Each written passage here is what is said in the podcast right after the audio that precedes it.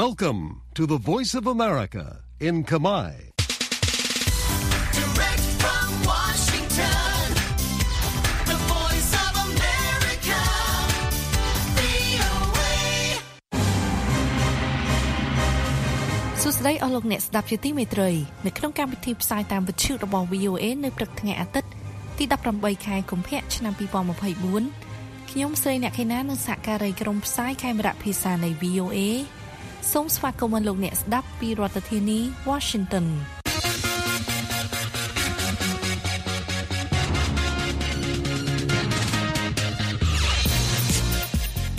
នៅក្នុងការផ្សាយរបស់ VOA ជាបន្តបន្តទៅនេះយើងមានសេចក្តីរាយការណ៍អំពីលោក Alexei Navalny មេដឹកនាំក្រុមប្រឆាំងរុស្ស៊ីបានស្លាប់នៅក្នុងពន្ធនាគារអ៊ុយក្រែនបង្វឹកសំណក់ឲ្យចូលរួមនៅក្នុងបេសកកម្មប្រយុទ្ធនឹងបទសម្ភាសន៍ VOA ជាមួយកញ្ញាសុខាច័ន្ទសុជាតា អំពីយុវតីកម្ពុជានិងបច្ចេកវិទ្យាមេដឹកនាំក្រុមប្រឆាំងរុស្ស៊ីលោក Alexei Navalny ដែលជាអ្នករិះគន់ខ្លាំងក្លាដល់ប្រធានាធិបតីរុស្ស៊ីលោក Vladimir Putin បានទទួលអនិច្ចកម្មនៅក្នុងពន្ធនាគារមួយនៅក្នុងតំបន់អាកតិចកាលពីថ្ងៃសុក្រទី16ខែកុម្ភៈលោកឈឹមសុមេតប្រាយសម្រួលសេចក្តីរាយការណ៍របស់ទីភ្នាក់ងារសារព័ត៌មានបារាំង AFP ដូចតទៅក្នុងរយៈពេលច្រើនឆ្នាំ លោក Alexei Navalny ជាអ្នករិះគន់ខ្លាំងក្លាដល់ប្រធានាធិបតី Vladimir Putin និងគោលនយោបាយរបស់លោកលោកបានវិលត្រឡប់មករុស្ស៊ីវិញក្រោយពីបានសះស្បើយពីការវាយប្រហារដោយថ្នាំពុលដែលស្ទើរតែសម្លាប់លោក ដែលក្រុមអ្នកគ្រប់គ្រងលោកនិយាយថាត្រូវបានសម្របសម្រួលដោយវិមានក្រែមឡាំងលោកបានជាប់ពន្ធនាគារភ្លាមភ្លាមៗពេលលោកមកដល់រុស្ស៊ីវិញសេវាពន្ធនាគារបាននិយាយកាលពីថ្ងៃសុក្រថាពួកពេទ្យ មិនអាចធ្វើឲ្យលោកដឹងខ្លួនទេ នៅពេលលោកសន្លប់ក្រោយពីលោកបានដើរនៅពេលលោកជាប់ឃុំឃាំងនៅក្នុងពន្ធនាគារបរិះអាយុ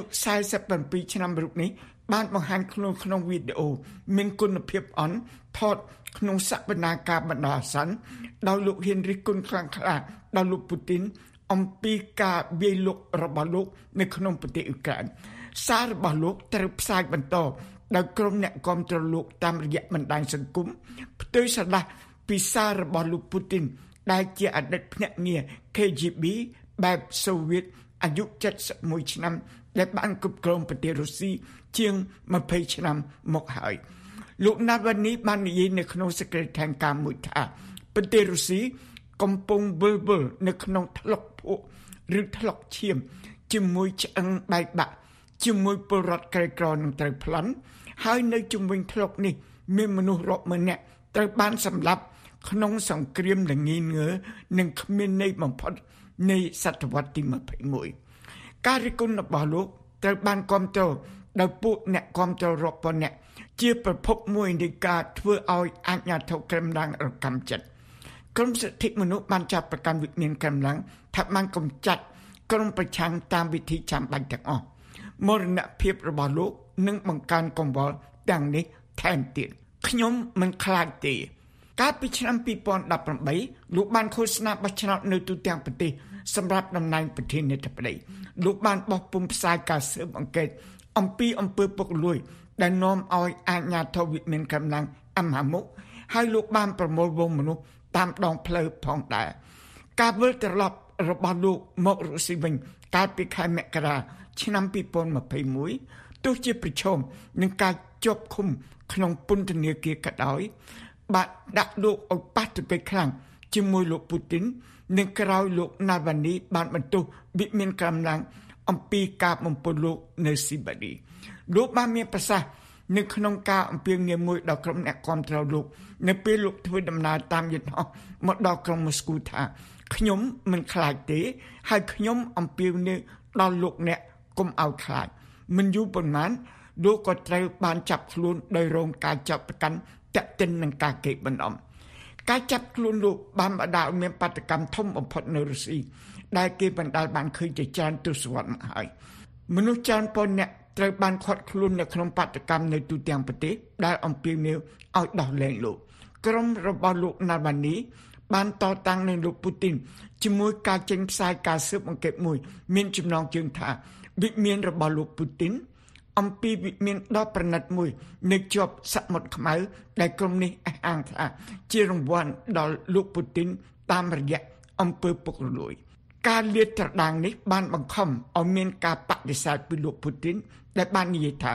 ប្រសិនបើសេវាសន្តិសុខរបស់លោកពិតជានៅពីក្រោយការបំពុលនេះមែនពួកគេប្រកាសជាបង្ហើយការងារនេះហើយ ខណៈលោកណាវ៉ានីធ្វើការផ្សព្វផ្សាយដោយមានទំនុកចិត្តតាមរយៈសារបែបកំ pl ែង memes លោកពូទីនដែលគេដឹងថាមិនបានប្រើអ៊ីនធឺណិត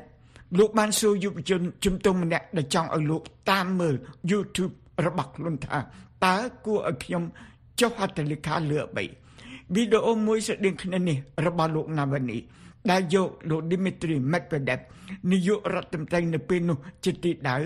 បាននាំឲ្យមានបាតកម្មធំធំក្នុងឆ្នាំ2017ដោយក្រុមបាតកោ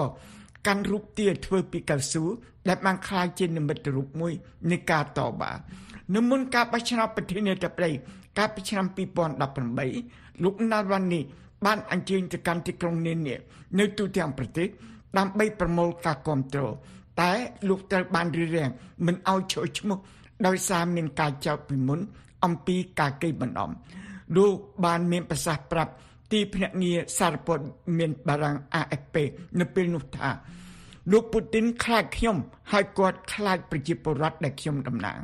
នឹងមនុស្សលោកបានប្រកួតប្រជែងនឹងលោក Sergei Sobyanin ដើម្បីក្លាយជាអភិបាលក្រុងម៉ូស្គូហើយបានបង្ខំឲ្យមានការបោះឆ្នោតជុំថ្មី ពួកមនុស្សទុច្ចរិតនិងក្រុមចោរ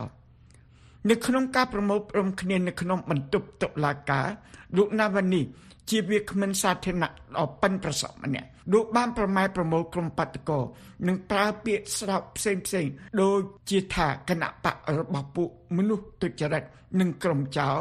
ដើម្បីវិបហាខ្លាំងខ្លាំងលើគណៈបក United Russia ដែលជាបកគ្រប់គ្រងប្រទេសប៉ុន្តែលោកមានការសៅមកដោយទស្សនៈជាតិនិយមជ្រុល និងដោយវីដេអូលំអៀងទៅខាងពួកនិយមកម្មភ្លើងកាលពីឆ្នាំ2007ដែលបានលើកឡើងជាថ្មី នៅក្នុងនោះលោកបានប្រៀបធៀបមនុស្សមកពីតំបន់ Caucasus ខាងត្បូងនៃអតីតសហភាពសូវៀតថាជាកណ្ដាលលោកណាវ៉ានីក៏នៅតែជាអិសរាជជនបន្ទប់បន្សំម្នាក់សម្រាប់មួយភាគធំនៃសង្គមរុស្ស៊ីដែលគ្រប់គ្រងការបរិញ្ញាជាផ្លូវការរបស់វិមានកណ្ដាល ដែលថាលោកជាខ្ញុំបំរើពួកប្រទេសលោកខាងលិចនិងជាឧក្រិដ្ឋជន លោកបានខ្លាចជាឆ្អឹងទៅតឹងកនៅខាងភៀកគីវិមានកម្លាំងដែលលោកពូទីនបានប្រកាសមិនព្រមនិយាយឈ្មោះលោកជាសាធារណៈក្រុមប្រឆាំងអំពើពុករលួយរបស់លោកត្រូវបានបិទហើយក្រុមសម្ព័ន្ធមិត្តជាន់ខ្ពស់របស់លោកបានជាប់ឃុំក្នុងពន្ធនាគារឬនៅតែខ្លួននៅប្រទេសក្រៅមិនអាចបំបិតមាត់ខ្ញុំបានទេ ក្រុមលោកណាវ៉ានីបានថ្លែងថាលោកត្រូវបានយាយីនៅក្នុងពន្ធនាគារហើយត្រូវបាននាំខ្លួនជាញឹកញយទៅកាន់បន្ទប់តូចក្នុងគុកដើម្បីដាក់ទណ្ឌកម្មលោកលោកណាវ៉ានីដែលមានប្រសាសន៍ថាពួកឆ្មាំគុកបានដាក់លោកនិងអ្នកទោសឯទៀតឯទៀតឲ្យរងការធ្វើទរណកម្មដោយលោកពូទីនដោយបង្ខំឲ្យពួកគេស្ដាប់សន្ទរកថារបស់ប្រធានាធិបតីរូបនេះ លោកណាល់វ៉ានីនៅតែមានសុខចិត្តនិយមនិងចំអកមើងងាយពួកមេដឹកនាំរុស្ស៊ីតាមកណនីបណ្ដាញសង្គមគ្រប់គ្រងដោយសហការីរបស់លោកទោះជាលោកស្ថិតក្នុងស្ថានភាពបែបនេះក៏ដោយលោកណាល់វ៉ានីដែលជាមេធាវីបានប្រយុទ្ធដើម្បីសិទ្ធិជាមូលដ្ឋានហើយបានប្តឹងពួកមន្ត្រីគុកឲ្យឡើងតុលាការលោកក៏បានធ្វើឲ្យពួកគេវិលក្បងដែរដោយដាក់ពាក្យ ជាផ្លូវការទៀមទាឲ្យមានសម្លៀកបំពាក់គីម៉ូណូរបស់ជប៉ុន និងបាឡាឡៃកាដែលជាឧបករណ៍ភ្លេងប្រពៃណីមួយលោកក៏សម្រក្សាទុកសត្វ kangaroo មួយក្បាលផងដែរ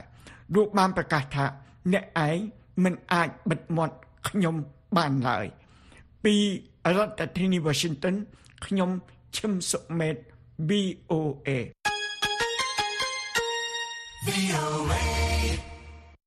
អ៊ុយក្រែនបានប្រើវិធីផ្សេងផ្សេងជាច្រើនដើម្បីទប់ទល់នឹងការឈ្លានពានរបស់កងទ័ពរុស្ស៊ីវិធីថ្មីចុងក្រោយមួយគឺការបង្វឹកសត្វសនក់ឲ្យអមដំណើរទាហានអ៊ុយក្រែននៅក្នុងបេសកកម្មរបស់ពួកគេអ្នកស្រីអាណាគូទូសិនកូរាយការណ៍អំពីរឿងនេះពីប្រទេសអ៊ុយក្រែនហើយនាងខ្ញុំស្រីលក្ខិណាជួនសេចក្តីប្រាយសម្រួលសត្វសំណក់ពូជ Belgian Shepherd ឈ្មោះ Tornado អាយុត្រឹម2ឆ្នាំប៉ុណ្ណោះពេលអាយុ6ខែគេបានយកវាចូលរួមនៅក្នុងប្រតិបត្តិការពិសេសរបស់កងទ័ពអ៊ុយក្រែន គ្រូបង្វឹកសំណក់មិនអាចប្រាប់ឈ្មោះឬបង្ហាញមុខរបស់លោកបានទេប៉ុន្តែបានប្រើឈ្មោះរេលោកបាននិយាយថាសបកាឌូជសិលនសត្វសំណក់គឺឈ្មោះឈ្មោះនិងមិនងាយ stress វារៀនចេះយ៉ាងឥតខ្ចោះតាំងពីពេលបង្វឹកដំបូង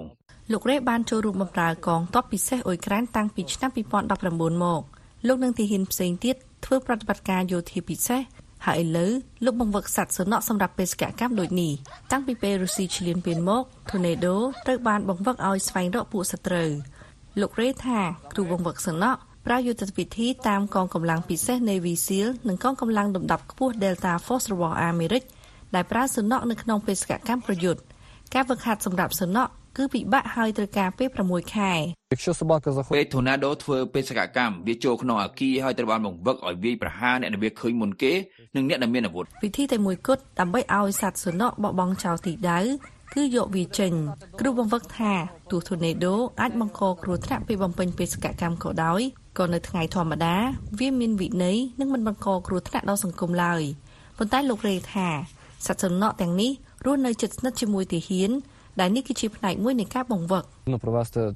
វាជាការចាំបាច់ដែលត្រូវបង្វឹកសំណក់ក្នុងក្រុមដូចគ្នាដែលនឹងទៅបំពេញបេសកកម្មព្រោះបើគ្រូបង្វឹកសំណក់នោះមានរបួសសំណក់នោះនឹងអនុញ្ញាតឲ្យសមាជិកផ្សេងទៀតជួយបញ្ជូនគ្រូបង្វឹកនោះទៅព្យាបាល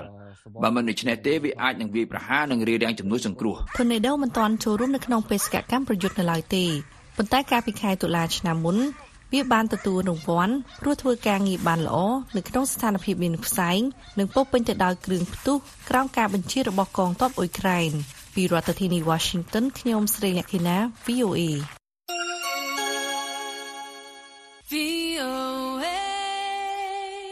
ខណៈដែលបច្ចេកវិទ្យាលើពិភពលោកកាន់តែរីកចម្រើនទៅមុខគេឃើញថាតម្រូវការសម្រាប់ជំនាញ Digital កាន់តែមានភាពច្បាស់លាស់សម្រាប់កម្ពុជាដែលជាប្រទេសកំពុងអភិវឌ្ឍការចាប់យកអាជីពពាក់ព័ន្ធនឹង Digital នៅក្នុងចំណោមយុវជន ជាពិសេសយុវតីហាក់នៅមានកម្រិតនៅឡើយកញ្ញាសុខាច័ន្ទសុជីតាបាននឹងកំពុងធ្វើការងារជាច្រើន ពាក់ព័ន្ធនឹង Digital ឬបច្ចេកវិទ្យាព្រមទាំងជាសមាជិកគណៈកម្មការរៀបចំវេទិកាអភិបាលកិច្ចអ៊ីនធឺណិតយុវជនកម្ពុជាមួយរូប មានចំណាប់អារម្មណ៍ពាក់ព័ន្ធនឹង Digital តាំងពីកុមារភាពមកនិងបានចាប់យកជំនាញពាក់ព័ន្ធនឹង Digital នេះបន្ទាប់ពីបានបញ្ចប់ការសិក្សាថ្នាក់វិទ្យាល័យកញ្ញាបានថ្លែងនៅក្នុងបទសម្ភាសន៍ជាមួយអ្នកនាងកាន់វិជ្ជការនៃ VOA ថាកញ្ញាចង់ឃើញយុវតីកម្ពុជាចាប់យកជំនាញផ្នែក Digital កាន់តែច្រើនដើម្បីជំរុញឲ្យសេដ្ឋកិច្ចនិងសង្គមកម្ពុជាកាន់តែមានភាពរីកចម្រើនសម្លោកអ្នកនាងស្ដាប់បទសម្ភាសន៍នេះដូចតទៅចាសសូមជម្រាបសួរជាតាចាសូមជម្រាបសួរអ្នកស្រីវិជ្ជការ នាងខ្ញុំដឹងថាជាតាបាននឹងកំពុងធ្វើការងារច្រើនពាក់ព័ន្ធទៅនឹង Digital ឬមួយក៏បច្ចេកវិទ្យាព្រមទាំងជាសមាជិកគណៈកម្មការរៀបចំវេទិកាអភិបាលកិច្ចអ៊ីនធឺណិតយុវជនកម្ពុជាមួយរូបផងសុជាតាអាចប្រាប់បន្តិចបានទេថាតើតាំងពីកុមារភាពមកសុជាតាបានឆ្លងកាត់នៅបទពិសោធន៍អ្វីខ្លះទើបបានធ្វើឲ្យសុជាតាសម្រាប់ធ្វើការងារផ្ដោតទៅលើ Digital ឬក៏បច្ចេកវិទ្យានេះចា៎អរគុណសម្រាប់សំណួរ ហើយអឺនាងខ្ញុំសូមអនុញ្ញាតណែនាំខ្លួនចាជាថ្មីនាងខ្ញុំឈ្មោះសុខាច័ន្ទសុចិតាសប្តាហ៍ជានិស្សិតឆ្នាំទី3សិក្សាជំនាញគ្រប់គ្រងព័ត៌មានវិទ្យានៅសាកលវិទ្យាល័យ Paragon អន្តរជាតិសប្តាហ៍ខ្ញុំជាអ្នកធ្វើការ part time មួយរូបផងដែរអឺ ដែលគេហៅថាអ្នករចនាគេហទំព័រឬក៏អ្នករចនាកម្មវិធីទូរស័ព្ទដៃហើយក្រៅពីនេះផងដែរដោយដែលអ្នកស្រីវិជ្ជការបានរៀបរាប់ខ្ញុំក៏ជាគណៈកម្មការអឺរៀបចំវេទិកាអភិបាលកិច្ចអ៊ីនធឺណិតយុវជនកម្ពុជាមួយរូបផងដែរហើយវេទិកានេះមានគោលបំណងក្នុងការលើកកម្ពស់ការយល់ដឹងរបស់យុវជនយើងអំពីកិច្ចពិភាក្សាអំពីអភិបាលកិច្ចអ៊ីនធឺណិតនិងលើកទឹកចិត្តយុវជនចំនួនក្រោយឲ្យមានការចូលរួមយ៉ាងសកម្មនៅក្នុងការពិភាក្សាគោលនយោបាយនិងដំណើរការនៃការទំនាក់ចិត្តអឺនៅក្នុងទម្រង់នៃអឺបច្ចេកវិទ្យារបស់យើងហើយត្រឡប់ទៅការសំណួររបស់យើងវិញថាតើតាំងពីកុមារភាពមកនេះខ្ញុំឆ្លងកាត់បទពិសោធន៍អ្វីខ្លះបានជាខ្ញុំសម្រេចចិត្តធ្វើការងារបដោតទៅលើ digital បច្ចេកវិទ្យានេះអឺតាំងតែពីក្មេងមកនាងខ្ញុំតែងតែមានការងឿងឆ្ងល់ទៅលើតើពិភពលោករបស់យើងតើមានដំណើរការរបៀបម៉េចហើយនាងខ្ញុំតែងតែចូលចិត្តអឺស្រាវជ្រាវដោយវិទ្យាសាស្ត្រដែលនៅពីក្រោយនៃពិភពលោកដំណើរការរបស់យើងហ្នឹងដូច្នេះហើយពេលដែលខ្ញុំចូលសិក្សានៅវិទ្យាល័យនាងខ្ញុំជិតជំនាញរូបវិទ្យាជាងគេហើយដោយសារតែជំនាញនេះធ្វើឲ្យខ្ញុំបានសិក្សាទៅលើសម័យកាលរលកផ្សេងផ្សេងនិងសម័យកាលផ្សេងផ្សេងដែលលោកគ្រូរបស់ខ្ញុំបានបង្ហាត់មកហើយវាជួយដល់ស្ដាយទៅលើការងឿងឆ្ងល់របស់ខ្ញុំដែល ឲ្យយល់ថាភពលោករបស់យើងដំណើរការរបៀបម៉េចអញ្ចឹងណាហើយពេលដែលខ្ញុំសិក្សាមុខវិជ្ជានេះធ្វើឲ្យខ្ញុំមានទម្លាប់មួយដែលចូលចិត្តស្រាវជ្រាវទៅលើបច្ចេកវិទ្យាថ្មីថ្មីរហូតដល់ខ្ញុំចូលសាកលវិទ្យាល័យខ្ញុំជ្រើសរើសរកជំនាញដែលខ្ញុំរៀនរាល់ថ្ងៃហ្នឹងគឺគ្រប់គ្រងព័ត៌មានវិទ្យាដែលយើងសិក្សាអំពីបច្ចេកវិទ្យាថ្មីថ្មីហើយបច្ចេកវិទ្យាកូដវិទ្យាបច្ចេកវិទ្យាកូដហើយនឹង digital អីដែលពាក់ព័ន្ធនៅក្នុងការនេះរបស់យើងនឹង សម្រាប់យុវជនកម្ពុជា ជាពិសេសយុវតីការចាប់យកអាជីពពាក់ព័ន្ធទៅនឹង Digital ឬមួយក៏បច្ចេកវិទ្យាអីជាដើមនោះគឺហាក់នៅមានកម្រិតនៅឡើយចង់ដល់លម្អិតថាតើហេតុអ្វីបានជាជាតាចាប់អារម្មណ៍លើមុខវិជ្ជានិងជំនាញពាក់ព័ន្ធទៅនឹង Digital នេះហើយតើ Digital ធ្វើឲ្យជាតារីចម្រើនបែបណាខ្លះសូមអញ្ជើញជាតាបកស្រាយចា៎ស្របពេលដែលបច្ចេកវិទ្យាកាន់តែរីកចម្រើនទៅមុខហើយជំនាញ digital កាន់តែមានភាពច្បាស់លាស់នេះគឺ ដោយដែលនាងខ្ញុំបានរៀបរាប់ចឹងនាងខ្ញុំតែងតែមានការងឿងឆ្ងល់ទៅលើ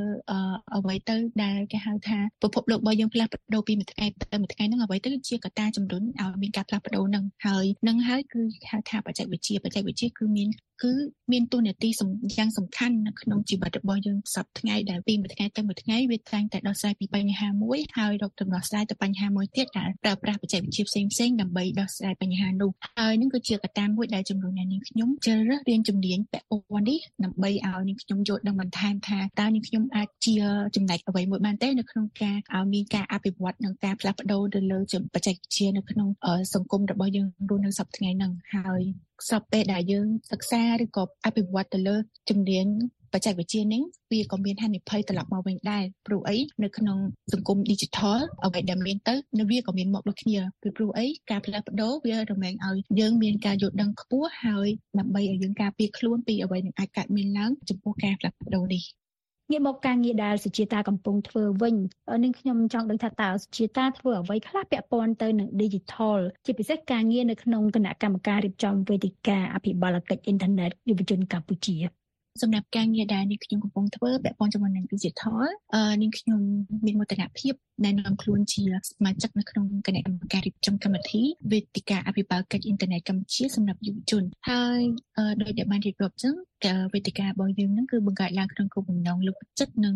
ដោយការចូលរួមរបស់យុវជនឲ្យយល់ដឹងអំពីបញ្ហាដែលកំពុងតែកើតមានឡើងនៅក្នុងអភិបាលកិច្ចអ៊ីនធឺណិតរបស់យើងហើយអភិបាលកិច្ចអ៊ីនធឺណិតរបស់យើងនឹងរួមបញ្ចូលនៅលំដាប់នៃការប្រមូលនិងបង្រួបបង្រួមយុវជនឲ្យចូលរួមនៅក្នុងការពិភាក្សានិងការពិចារណាស៊ីជម្រៅទៅលើបញ្ហាដែលមានតកតងជាមួយនឹងការគ្រប់គ្រងអ៊ីនធឺណិតហើយយុវជនក៏មានឱកាសបានស្គាល់និងយល់បន្ថែមសិក្សាបន្ថែមពីវាគ្មិនរបស់យើងក៏ដូចជាមានការចូលរួមពាក់ព័ន្ធពីខាងរដ្ឋាភិបាលរបស់យើងផងដែរហើយទូនាទីរបស់នាងខ្ញុំនៅក្នុងវេទិកាអភិបាលកិច្ចអ៊ីនធឺណិតហ្នឹងរួមមានដូចជាការរៀបចំជួយរៀបចំផែនការសម្រាប់ព្រឹត្តិការណ៍នេះទាំងមូលក៏ដូចជាការព្រៀងនៅកំណត់ចំណាំផ្សេងផ្សេងរហូតដល់នេះខ្ញុំមានការសិក្សាស្រាវជ្រាវទៅលើប្រធានបទសម្រាប់ព្រឹត្តិការណ៍របស់យើងហើយក្រៅពីនេះផងដែរនាងខ្ញុំក៏មានរួមចំណែកនៅក្នុងការរៀបចំគេហទំព័រនិងជួយរចនាគេហទំព័ររបស់ yigfkh.org ដែលជា website ផ្លូវការរបស់វេទិកា YIGF របស់យើងហើយក្នុងការរចនាហ្នឹងគឺនាងខ្ញុំមានគោលបំណងចង់ឲ្យមានចំណុចតាក់ទាញកាន់តែស្រស់ស្អាតនិងងាយស្រួលប្រើប្រាស់ទៅដល់ អ្នកប្រើប្រាស់ហើយសពទៅលើនិន្នាការអ៊ីនធឺណិតបច្ចុប្បន្នផងដែរហើយលើពីនេះនាងខ្ញុំក៏ចូលរួមសកម្មភាពផ្សេងផ្សេងនៅក្នុងសមាជិករបស់យើងទាំងមូលដូចជាខ្ញុំគ្រប់គ្រងគណៈកម្មការផ្សេងទៀតនៅក្នុង department ឬក៏ហៅថា department ផ្សេងទៀតដើម្បីឲ្យពួកគាត់មានតំណែងនៅក្នុងការ design ទៅលើ poster ឬរចនាផ្ទាំងរូបភាពផ្សេងផ្សេងសម្រាប់ promote ឬក៏ផ្សព្វផ្សាយទៅលើកម្មវិធីរបស់យើងហើយកម្មវិធីរបស់យើងគឺមានលើសពីព្រឹត្តិការណ៍ដែលយើងបានដាក់កំណត់ហ្នឹងបានន័យថាកម្មវិធីរបស់យើងគឺយើងមានការផ្សព្វផ្សាយទៅលើសកម្មភាពជាច្រើនរួមទាំងសកម្មភាពដូចជាកម្មវិធីជជែកពិភាក្សាដេញដោលដែលយើងរៀបចំកម្មវិធីនេះឡើងដើម្បីឲ្យយុវជនពីសាកលវិទ្យាល័យនានានៅក្នុងប្រទេសកម្ពុជារបស់យើងដើម្បីឲ្យពួកគាត់មកតំណាងនិងដេញដោលទៅលើប្រធានបទផ្សេងៗទាក់ទងជាមួយនឹងអភិបាលការអ៊ីនធឺណិតនិងបញ្ហាពាក់ព័ន្ធហើយលើពីនេះយើងក៏មានការរៀបចំជាសិក្ខាសាលាបណ្ដុះបណ្ដាលអំពីអក្ខរកម្ម Digital ដែលអង់គ្លេសហៅថា Digital Literacy និងសន្តិសុខ តាមអ៊ីនធឺណិតហើយដើម្បីអប់រំយុវជនឲ្យចេះការពារខ្លួនហើយនាងខ្ញុំជាក់ស្ដែងក៏បានចូលរួមចំណែកយ៉ាងសកម្មនៅក្នុងគំនិតផ្ដួចផ្ដើមនេះដោយនាងខ្ញុំធ្វើជាគ្រូបណ្ដុះបណ្ដាលសម្រាប់កម្មវិធីសិក្ខាសាលានេះដែលផ្ដោតទៅលើប្រធានបទដូចជាការការពារអត្តសញ្ញាណ Digital និងការការពារលើឧបករណ៍ Digital ឃើញថាជាតាមានការងារច្រើនមែនទែនជាពិសេសពាក់ព័ន្ធជាមួយនឹងការរចនាគេហទំព័រការដោះស្រាយបញ្ហាផ្សេងផ្សេងពាក់ព័ន្ធជាមួយនឹង Digital ឬមួយក៏បច្ចេកវិទ្យាពាក់ព័ន្ធជាមួយនឹង Internet អីជាច្រើននេះខ្ញុំចង់ដឹងថាតើការងារពាក់ព័ន្ធជាមួយនឹង digital ឬក៏បច្ចេកវិទ្យានេះនឹងថាតើមានជួបបញ្ហាប្រឈមអ្វីខ្លះដែរហើយនៅពេលដែលជាតាជួបជាមួយនឹងបញ្ហាប្រឈមទាំងអស់នោះជាតាដោះស្រាយបែបណាដែរចាបញ្ហាដែលពាក់ព័ន្ធជាមួយនឹង digital ហ្នឹងគឺបញ្ហាតែងតែកើតឡើងមកថ្មីរហូតហើយអ្វីដែលជាបញ្ហាប្រឈមសម្រាប់យើងដោះស្រាយបញ្ហាហ្នឹងគឺទី1នៅខ្ញុំសូមលើកឡើងថាបច្ចេកវិទ្យាតែងតែអភិវឌ្ឍខ្លួនថ្មីជារៀងរាល់ថ្ងៃដូច្នេះបើសិនជាយើងអត់ មានការងល់ដឹងតាន់បច្ចេកវិទ្យាដែលវាមានការផ្លាស់ប្ដូររាល់ថ្ងៃហ្នឹងទេយើងច្បាស់ជានៅពីក្រោយវាហើយពេលកាលណាដែលយើងនៅពីក្រោយបច្ចេកវិទ្យាហ្នឹងគឺយើងមានការប្រឈមមុខនឹងហានិភ័យជាច្រើនដូចជាយើងអត់យល់ដឹងអំពីបច្ចេកវិទ្យាហ្នឹងអភិវឌ្ឍដោយនរណាហើយការអភិវឌ្ឍហ្នឹងវាមានចូលរួមពាក់ព័ន្ធវាមានចូលរួមនៅក្នុងមាននយោបាយអ្វីខ្លះដែលឲ្យបច្ចេកវិទ្យាហ្នឹងវាដំណើរការបានដូច្នេះយើងជាអ្នកដែលនៅក្នុង digital នេះយើងត្រូវតែដឹងថាបច្ចេកវិទ្យានីមួយៗ វាបង្កើតឡើងមករាល់ថ្ងៃយើងត្រូវតែតាមវាបានរាល់ថ្ងៃនិងសិក្សាពីវារាល់ថ្ងៃខ្ញុំអាចលើកឧទាហរណ៍ថាឧទាហរណ៍យើងជាអ្នកអភិវឌ្ឍកម្មវិធីទូរស័ព្ទដៃបើសិនជាយើងនៅតែប្រើប្រាស់វិធានការតែមួយហ្នឹងយើងអត់សិក្សាពីអ្វីដែលជាដំណោះស្រាយឬក៏វិធានការថ្មីក្នុងការអភិវឌ្ឍកម្មវិធីហ្នឹងទេយើងច្បាស់ជានៅពីក្រៅបច្ចេកវិទ្យាហើយយើងអត់បានសិក្សាអ្វីដែលវាមានរាល់ថ្ងៃឬក៏ថ្មីថ្មីនោះទេខាពីការនៅពីក្រោយនឹងការដោះស្រាយបច្ចេកវិទ្យាហ្នឹងហើយបញ្ហាដែលបច្ចេកវិទ្យានឹងបន្សល់ឲ្យយើងអ្នកដែលអត់ដឹងនឹងវាធ្វើឲ្យយើងនឹងខាត់បងជាច្រើនបើសិនជាយើងអត់យល់ដឹងអំពីបញ្ហាដែលមានពីក្រោយនឹងមកហើយនេះគឺជាបញ្ហាប្រឈមមួយដែលខ្ញុំបានលើកឡើងសម្រាប់អ្នកដែលធ្វើការនៅក្នុងវិស័យ digital នេះបានជួបហើយវាមាន រឿងរ៉ាវជាច្រើនទៀតដែលអ្នកដែលធ្វើការក្នុងវិស័យនេះបានជួបផងដែរនាងខ្ញុំបានលើសូសជាតាលើកឡើងពាក់ព័ន្ធជាមួយនឹងពាក្យថាហានិភ័យ digital ហើយខ្ញុំក៏តែងតែលើកន្លងមកដែរចង់ដឹងថាតើហានិភ័យ digital នោះមានន័យយ៉ាងម៉េចវិញទៅជាតាដោយសារតែនាងខ្ញុំកំពុងតែសិក្សានិងស្រាវ ជ្រាវនៅក្នុងធានបទនេះតែម្ដងហានិភ័យ digital ហ្នឹងគឺជាកត្តាប្រឈមរបស់មនុស្សចំនួនថ្មីវាគឺជាបញ្ហារបស់មនុស្សចំនួនថ្មីហើយវាជាហានិភ័យនានាដែលអាចកើតមានឡើងនៅក្នុងយុគសម័យអ៊ីនធឺណិតរបស់យើងហើយបច្ចុប្បន្នបច្ចេកវិទ្យារបស់យើងមានការកើនឡើងយ៉ាងឆាប់រហ័សទន្ទឹមនឹងការរីកចម្រើននេះក៏មានហានិភ័យមានការកើនឡើងយ៉ាងឆាប់រហ័សដូចគ្នាដែរហើយថាពីនឹងក៏មានអក្រិតកម្មតាមអ៊ីនធឺណិតកើតឡើងដែរ ដែលយើងធ្លាប់ទៅឮថា phishing ឬគេហៅថាការលួចខ្លែងបន្លំដំណភ្ជាប់ការគំរាមកំហែងតាមអ៊ីនធឺណិតឬក៏ហៅថា cyberbullying ឯកជនភាពទិន្នន័យឬក៏មានគេហៅថា ransomware និង malware ដែលជាប្រភេទការបញ្ចូលមេរោគចូលទៅក្នុងកម្មវិធីទូរស័ព្ទដែរឬក៏កម្មវិធី laptop កុំព្យូទ័ររបស់យើងប្រើប្រាស់រាល់ថ្ងៃហ្នឹងអញ្ចឹងវាមានបញ្ហាជាច្រើននៅក្នុងការប្រឈមទៅលើអាហារភ័យ digital ហ្នឹងស្របមកវិញមនុស្សគ្រប់រូបយើងគឺសុទ្ធតែមានហានិភ័យ digital ហើយនេះខ្ញុំអាចលើកឧទាហរណ៍បានដូចជា phishing attack ឬក៏ការក្លែងបន្លំដំណោះភ្ជាប់នឹងដោយដែលយើងបានជួបប្រទះជាច្រើនតកតងជាមួយនឹងការក្លែងបន្លំដំណោះភ្ជាប់នឹងដើម្បីឲ្យយើងវេលុយឧទាហរណ៍ថាតាមរយៈការផ្ញើសារអះអាងថាខ្លួនជាធនាគារណាមួយហើយតម្រូវឲ្យតេតិជនធនាគារនឹងធ្វើការស្វ័យដំណើរកម្មវិធីឬក៏ update software នឹងទៅលើកម្មវិធី app នឹងហើយគេក៏ផ្ញើ link មកឲ្យអ្នកប្រើប្រាស់នឹងហើយអ្នកប្រើប្រាស់នឹងក៏បានចុចទៅលើដំណោះភ្ជាប់ដែលជាដំណោះភ្ជាប់ក្លែងបន្លំនឹងហើយពេលណាដែលអ្នកប្រើប្រាស់គាត់ចុចទៅលើដំណោះភ្ជាប់នឹងហើយហានិភ័យគឺកើតឡើងតែម្ដងគឺយើងបានចូលទៅលើដំណោះភ្ជាប់មួយដែលវាមិនមានសុវត្ថិភាពដែលជាដំណោះភ្ជាប់មួយដែលគេអាចលួចយកតនន័យរបស់យើងឬក៏គេអាចលួចយកលុយឬក៏ព័ត៌មានផ្សេងផ្សេងដែលជាព័ត៌មានឯកជនភាពរបស់យើងហើយនេះគឺជា ឧទាហរណ៍មួយដែលកើតមានឡើងនៅក្នុងបញ្ហាដែលយើងប្រឈមមុខទៅលើ digital ហើយវាមានរឿងរ៉ាវជាច្រើនទៀតដែលយើងមិនបានដឹងហើយយើងក៏គួរតែដឹងដែរដើម្បីឲ្យយើងមានយល់ដឹងទៅលើហានិភ័យ digital នេះលោកសូសជាតាបានលើកឡើងពាក់ព័ន្ធជាមួយនឹងហានិភ័យ digital មិញហ្នឹងគឺហាក់បីដូចជា គុណវិបត្តិពាក់ព័ន្ធជាមួយនឹងការប្រើប្រាស់បច្ចេកវិទ្យាឬមួយក៏ digital អីជាដើមអញ្ចឹងនេះខ្ញុំសូមឲ្យសុជាតាបន្ថែមបន្តិចថាតើ digital មានគុណសម្បត្តិហើយនិងគុណវិបត្តិអ្វីខ្លះនៅក្នុងសង្គមហើយនិងជីវភាពប្រចាំថ្ងៃចា digital គឺប៉ិតណាស់មានគុណសម្បត្តិច្រើនហើយគុណវិបត្តិក៏មិនតិចជាងគុណសម្បត្តិដែរសម្រាប់ជីវភាពប្រចាំថ្ងៃនេះខ្ញុំសូមលើកពីគុណសម្បត្តិអំពី digital digital គឺមានគុណសម្បត្តិជាច្រើនទី1 អាចយល់ឃើញអាចមើលឃើញពីព័ត៌មានហៅថា information access ដើម្បីឲ្យយើងយល់ដឹងអំពីព័ត៌មានដែលកើតមានឡើងរាល់ថ្ងៃហ្នឹងដូចដែលយើងអាចប្រើប្រាស់និងអាចស្ដាប់ visual VOA ឬក៏ website ផ្សេងផ្សេងដែលគេផ្សាយព័ត៌មានហ្នឹងគឺជាគុណសម្បត្តិហើយគុណវិបត្តិនៅពេលដែលយើងមានការ access ឬក៏មើលឃើញអំពីព័ត៌មានទាំងអស់ហ្នឹងទី1អឺក្រៅពីហ្នឹងគឺវាគេហៅថា misinformation spread ព័ត៌មានមិនពិតឬក៏ការចែកចាយបន្តទៅលើព័ត៌មានคล้ายៗហើយមនុស្សតែងតែមានការ influence ជះឥទ្ធិពលជាច្រើនទៅលើព័ត៌មានមិនពិតឬក៏คล้ายៗទាំងអស់ហ្នឹងនៅក្នុងសង្គម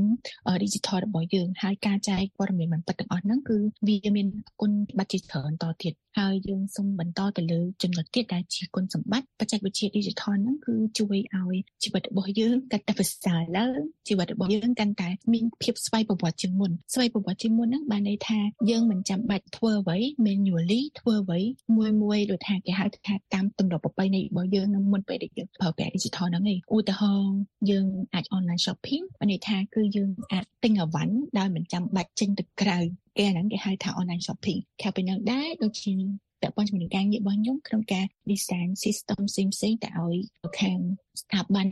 ក្នុងការរៀបចំគម្រោងរៀបនៅក្នុងស្ថាប័នរបស់គាត់ឲ្យវាមានភាពស្វ័យប្រវត្តិជាងមុនអញ្ចឹងហ្នឹងហើយគឺជា digital បច្ចេកវិទ្យា digital ចូលរួមដើម្បីឲ្យអាសកម្មភាពទាំងអស់ហ្នឹងវាស្វ័យប្រវត្តិជាងមុនហើយចំណុចបន្ទាប់ដែលខ្ញុំអាចលើកឡើងបានគឺតកតងជាមួយនឹងឲ្យមានបណ្ដោះបណ្ដាលទៅលើសេដ្ឋកិច្ចរបស់យើងនឹងរីកចម្រើនជាងមុនព្រោះអីពិភពលោករបស់យើងកំពុងតែដើរនៅក្នុងសម័យ digital ហើយបើសិនជាយើងនៅពីក្រោយ digital យើងដើរអត់ទាន់គេសេដ្ឋកិច្ចរបស់យើងក៏អត់ទាន់គេដែរដូច្នេះ digital បច្ចេកវិទ្យាហ្នឹងគឺវាជួយឲ្យយើងដើរទៅវ៉ាន់ទៅលើសេដ្ឋកិច្ចពិភពលោកហើយសេដ្ឋកិច្ចពិភពលោកហ្នឹងគឺមានការជំរុញជាច្រើនឲ្យមានបង្ការបង្កើតឡើងនៅលើ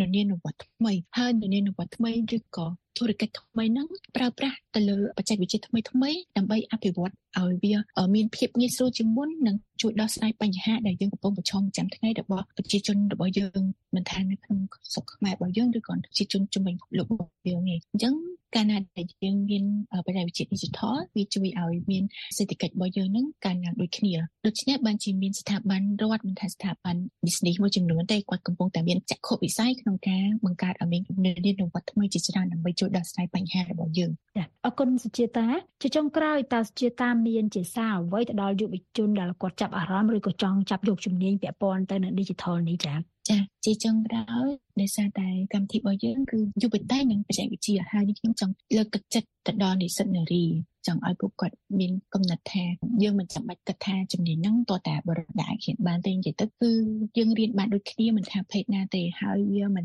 អាស្រ័យទៅលើកត្តានេះទេដូច្នេះហើយតើតាយើងមានការស្រឡាញ់និងការខិតខំពិតប្រាកដ ទើបយើងអាចរៀនជំនាញហ្នឹងបានហើយរៀនពូកែជាងបរិះទៀតហើយសម័យនេះមានកម្មវិធីនិងមានការលើកទឹកចិត្តច្រើនឲ្យនារីរៀនជំនាញនេះអញ្ចឹងមិនខ្វះទេអាហារូបករណ៍សម្រាប់សិស្សស្រីសិក្សាជំនាញនេះជាក់ស្ដែងនាងខ្ញុំក៏ជាសិស្សអាហារូបករណ៍នៅសាលារបស់នាងខ្ញុំផងដែរហើយមួយទៀតនៅពេលដែលនាងខ្ញុំចូលរួមកម្មវិធីផ្សេងផ្សេងមិនថានៅក្នុងស្រុកឬក៏កម្មវិធីនៅខាងក្រៅប្រទេសទេនាងខ្ញុំតែងតែមានការលើកទឹកចិត្ត ដូចថាអត់មានការមើងងាយថានាងខ្ញុំជានារីភេទដែលមករៀនជំនាញតកតងជាមួយនឹងទេគឺតែងតែមានការលើកទឹកចិត្តហើយគេឲ្យតម្លៃយើងខ្ពស់មែនតើនៅពេលដែលយើងជាស្ត្រីហើយយើងមករៀនជំនាញហ្នឹងហើយមួយទៀតការងារហ្នឹងគឺជាការងារដែលផ្ដល់ភក្ខាយច្រើនគ្រប់វិស័យគឺត្រូវការជំនាញនេះដើម្បីឲ្យវាមានការអភិវឌ្ឍជាលឿនហើយលើពីហ្នឹងក្នុងសហគមន៍របស់យើងហ្នឹងមានការផ្ដល់ឲ្យ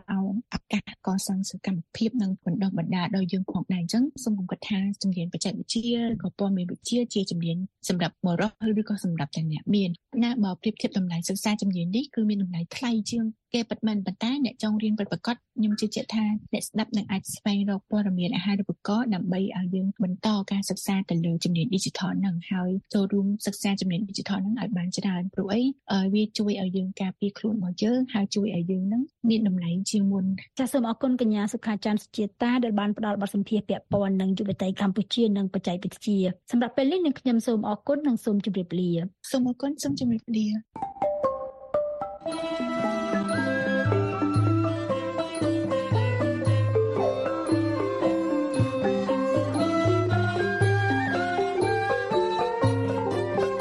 ទីផ្សាយរបស់ VOA នៅព្រឹកនេះចប់តែប៉ុណ្ណេះប៉ុន្តែលោកអ្នកនាងនឹងអាចស្ដាប់ឬអានព័ត៌មានរបស់ VOA ឡើងវិញបាន តាមរយៈគេហទំព័រ khmae.voanews.com សំលោកអ្នកនាងរងចាំស្ដាប់ការផ្សាយបន្តផ្ទាល់របស់យើងខ្ញុំនៅរាត្រីនេះពីម៉ោង8:30នាទីដល់ម៉ោង9:30នាទីតាមរលកវិទ្យុ 25m ត្រូវនឹងកម្រិត11695និង1575 kHz សំលោកអ្នកនាងប្រកបដោយសុភមង្គលគ្រប់ប្រការ